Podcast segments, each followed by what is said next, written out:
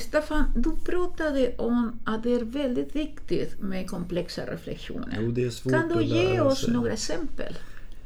Många har väldigt svårt att lära sig de här för det, man måste vara väldigt fantasifylld och kreativ och, och, för att komma på de här komplexa reflektionerna och så. Så att vi tränar helt enkelt in de här reflektionerna på olika sätt och i olika övningar. Och går- hur gör du då? Ja, Kommer du med några påståenden och Ja, ska och så göra? får de sitta och eller? jobba med det, i, med skriva ner en massa reflektioner. Så. Så att det, man, det är ungefär som att lära sig noter. Man sätter sig ner och jobbar med svenska språket och präntar in dem så säga, med papper och penna. Så, så, så att man får en, en, en dos på en, åtminstone 20-40 olika reflektioner som man kan utan till. Och sen när man sitter och pratar då kommer de av sig självt. Då. Om vi tar ett litet exempel, både enkla och lite tuffare situationer, men just om någon säger ”jag vet inte”. Alltså, hur kan man göra en komplex reflektion på ”jag vet inte”? Ja. Många blir väldigt uppgivna. Så, ”Jaha, vet du inte? Ja, men då får vi jag berätta för dig då”. Ja, precis. Jag brukar göra så här då, trycka in två eller tre reflektioner. Så du vet inte enkel reflektion? Nej, precis. Det låter som att du är en noggrann person. Du vill verkligen veta. Du är klok också, för om du inte vet någonting så gör du ingenting. så, så. Och oftast vänder ju samtalet där rejält då. Så. För då kommer du med bekräftelser också. Ja. Och att... eh, Mm, när du berättar nu om dina barn nu så ser du väldigt glad ut när du berättar om det äldsta barnet. Och, så, och när du börjar prata om det yngsta barnet så ser du väldigt bekymrad ut. Ja, ja, det, ja, jo. Det märks nog. Så. och det påverkar människan väldigt mycket att man ger signaler på kroppsspråket då. På att man reagerar lite olika. Så här. Jo, och samtidigt det jag ser med dessa exempel som du tog upp, att du gör två saker där. Du visar på acceptans. Mm. Eh, Det är okej att inte veta. Och sen försöker du vara väldigt empatisk Ja. med bekräftelse Ja, i den här. Försöker, ja. Och vi vet att det är två starka krafter som träder fram då. Och några reflektioner som är inbakat med konsekvenser som har varit väldigt framgångsrika som fungerar i olika sammanhang är den här då. Du är ju 50 år nu idag kan man säga till exempel till en 15 som gör 50-årskontroller och så. Som har gått igenom provsvar och hälsoenkäter och ser inte så bra ut allting då. Utan man bara går igenom alla fakta och så. Du är ju 50 år idag nu då så det beslutet du tar nu kommer att påverka hur du har det som 60-åring. Ja, det vet jag inte. Ja, du får gärna fundera på det om du vill. Så. Och det där brukar väcka tankar. Och att folk kommer tillbaka och säger, hör du, eh, jag behöver nog göra någonting. Ja, berätta. Vad är det du vill göra? Vi är här och hjälper gärna till. Det är därför vi är här. Och då får man gå ut på gatan och fundera på det där. Och där kan man säga att det är 24-åringar också och vem som helst att mm, du är 24 år. Vem, vem kommer jag träffa? Som, hur kommer den personen se ut som är 34 år? Ja, och, och då, oftast tänker man inte så här långsiktigt utan man tänker på dagen eller på veckan som är och till helgen och så. Och så kommer man där och väcker en tanke om att det du gör nu kommer att påverka hur du har det senare i livet. Då. I motiverande samtal har vi inte fokuserat så mycket på reflektioner som fokuserar på konsekvenserna. Är det någonting som du har kommit på själv? Har du tagit den från andra metoder? Hur gör har du? Jag har jobbat väldigt mycket med barn och ungdomar då. Och eh, min framtoning har alltid varit att personlig utveckling. Och eh, när barn och ungdomar gör saker som inte är så bra så hur ska de komma ur det beteendet? Jo, ett första steg är att förstå konsekvenserna. Och när man inte kan prata med barn och ungdomar eller vuxna om konsekvenser, då kan man väcka tankar om det. Precis. Och, och, och där har jag fått väldigt mycket framgång under åren genom att göra det i många olika sammanhang. Då. Även i, i arbetsgrupper och så. Man väcker tankar om om vi nu gör det här, hur blir det då? Och um, om vi inte gör någonting, hur blir det? så. Jo, precis. Jag ser på den där som någonting otroligt bra i meningen att det är inte samma sak att vi pratar för andra om konsekvenserna, Nej, negativa konsekvenser, än att det bra sätt som du gör det, att man gör en reflektion, man introducerar en konsekvens och sen ställer man en öppen fråga. Ja, Vad precis. vill du göra? Vill du Hur ser fundera du på, på det här och hur vill du göra Precis. nu? Och, och det, det där är starkt. Oh, ja. Och det är lika starkt för en femåring som en 85-åring. Det var- Man får anpassa Språket. frågorna Ja, naturligtvis. Precis. Så. Och sen då när man brukar prata om mm, entréplanet. Att när, vi träff, Berätta, ja, när man träffar människor så träffar vi dem på entréplanet här.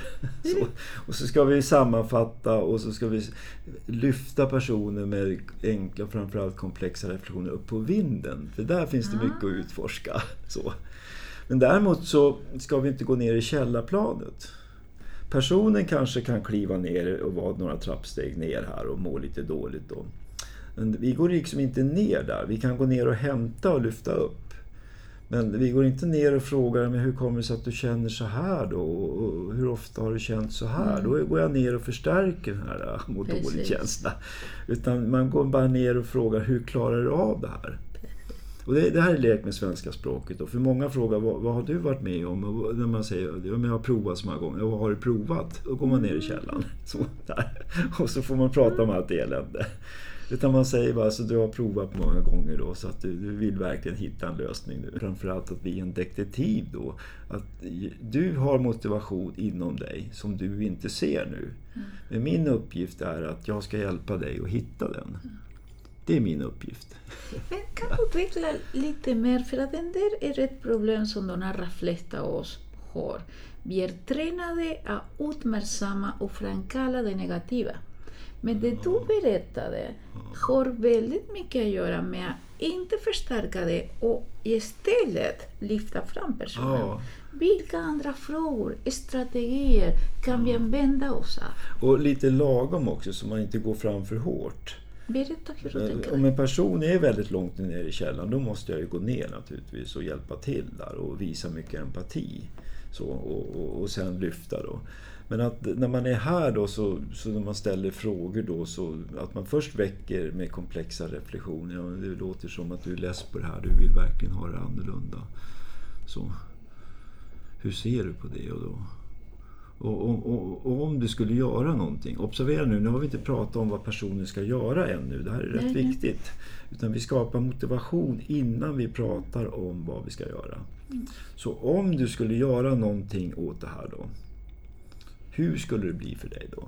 Och då framkallar man ju change talk oftast. Jo, men då skulle det bli så här och så och så och så och så. Och så kommer det oftast, men det går inte, förstår du inte. Det går inte. Så du vill att det ska gå. Du vill verkligen hitta någonting. Om du vill så kan jag berätta lite grann om vad vi kan erbjuda här. Det finns lite olika möjligheter. Vad säger du, skulle du vara intresserad av det? Så. Och där brukar det vända. Det vill säga man ingjuter hopp och mod hos människan då. Om att oftast när personer har provat en sak, där törs jag säga utifrån min erfarenhet då, att när man säger att man har provat någonting väldigt mycket så är min erfarenhet att man har provat väldigt få saker väldigt många gånger. De har inte hittat lösningen. Så här. Men de, de, tanken blir att jag har provat allt, för ingenting går ju. Så att därför frågar jag aldrig vad har du provat, för då kommer jag bara få höra en eller två saker. Och det är rätt ointressant, utan det är mer intressant att höra, mm, så du har erfarenheter här, om du skulle göra det igen då, hur skulle du göra då? Om någon var i samma situation som du, hur skulle du säga till den personen? Så. Och då väcker man tankar och sen kan man lägga, komplettera dem. För att, Staffan, den där tycker jag är fantastiskt bra på grund av det här. I en tid som upplevelsen kan vara att, att eh, världen går undan, att livet är jättejobbigt. Den där som du var inne på, att framkalla hopp, Framkalla hopp, ja. är otroligt relevant. Ja. Och om jag skulle våga mig på en sammanfattning, det handlar väldigt mycket om att möta personen i källaren, Ja. bekräfta lidande, Ja. men sen hjälpa med reflektioner och med frågor till att personen ska lyfta. Mm. Och då Ge mig två, tre frågor som du skulle rekommendera för oss. Om personen mår väldigt dåligt så är jag väldigt försiktig. Så, så att säga, mm, det är väldigt tufft nu. Så jag, är det okej okay om jag ställer några frågor? Så, så jag frågar alltid om tillåtelse om personen mår dåligt så att man inte skjuter för hårt. Mm. Då. Är det, skulle det vara okej okay om jag får ställa en fråga då? Ja. Om jag träffar dig om två år, kommer du ha det likadant då eller kommer du ha det annorlunda? På vilket sätt den typen av frågor kan framkalla hopp? Utveckla det lite. Jo, att personen som mår väldigt dåligt eh, Eh, lever i, för dygnet, för tim, närmsta timmarna. Så och ser inte att de har en resa framför sig på flera år, att det kommer att bli så här. De, det gäller att klara dagen då. Och så väcker jag det här lite försiktigt. Hörru, om, om, om, om jag får ställa en fråga, om jag skulle träffa dig om två år, kommer du ha det likadant då? Eller kommer du ha det annorlunda på något sätt? Och då får jag ofta svar som ja, men det låter ju hemskt.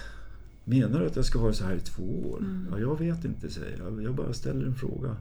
Ja, men det låter ju förskräckligt. Ja, jag kan inte svara på det. Hur går du vidare där? Det låter som du vill fundera på det här. Här är det dags liksom att stanna, för man kan ju inte lösa det här.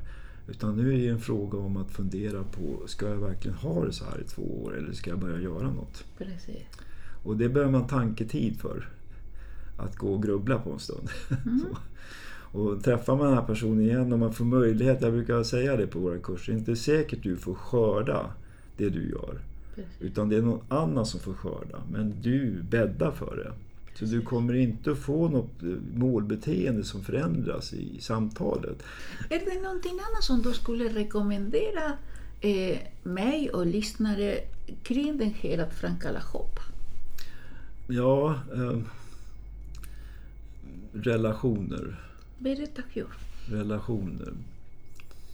Mm. Det är ju inte alla som har relationer runt omkring sig då, men det finns ju en önskan kanske om att vara i ett socialt sammanhang. Mm. Så om vi säger en person som sitter och spelar mycket, en ung vuxen och så. Du verkar väldigt ensam i hur du har det nu. Ja, vadå? Jag sitter ju och spelar. Så, så, ja, det låter som att du är ensam i som du har. Ja, ja kanske det. Det verkar som du skulle vilja träffa någon och dela dina intressen med komplex. Mm. Ja, det... Det, det vore ju skönt om det gick då. Mm. Så det du gör nu då, hur, hur bidrar det till att du ska kunna träffa någon? Ja, men då kan jag ju inte sitta här och spela. Precis. Berätta. Berätta. Så har jag ingjutit hopp då. Att det finns, brukar, en reflektion som jag använt på vuxna ungdomar ibland, så att det finns en människa där ute som väntar på dig. Mm. Som vill upptäcka dig. Mm. Är du beredd att göra dig tillgänglig för den personen? Mm.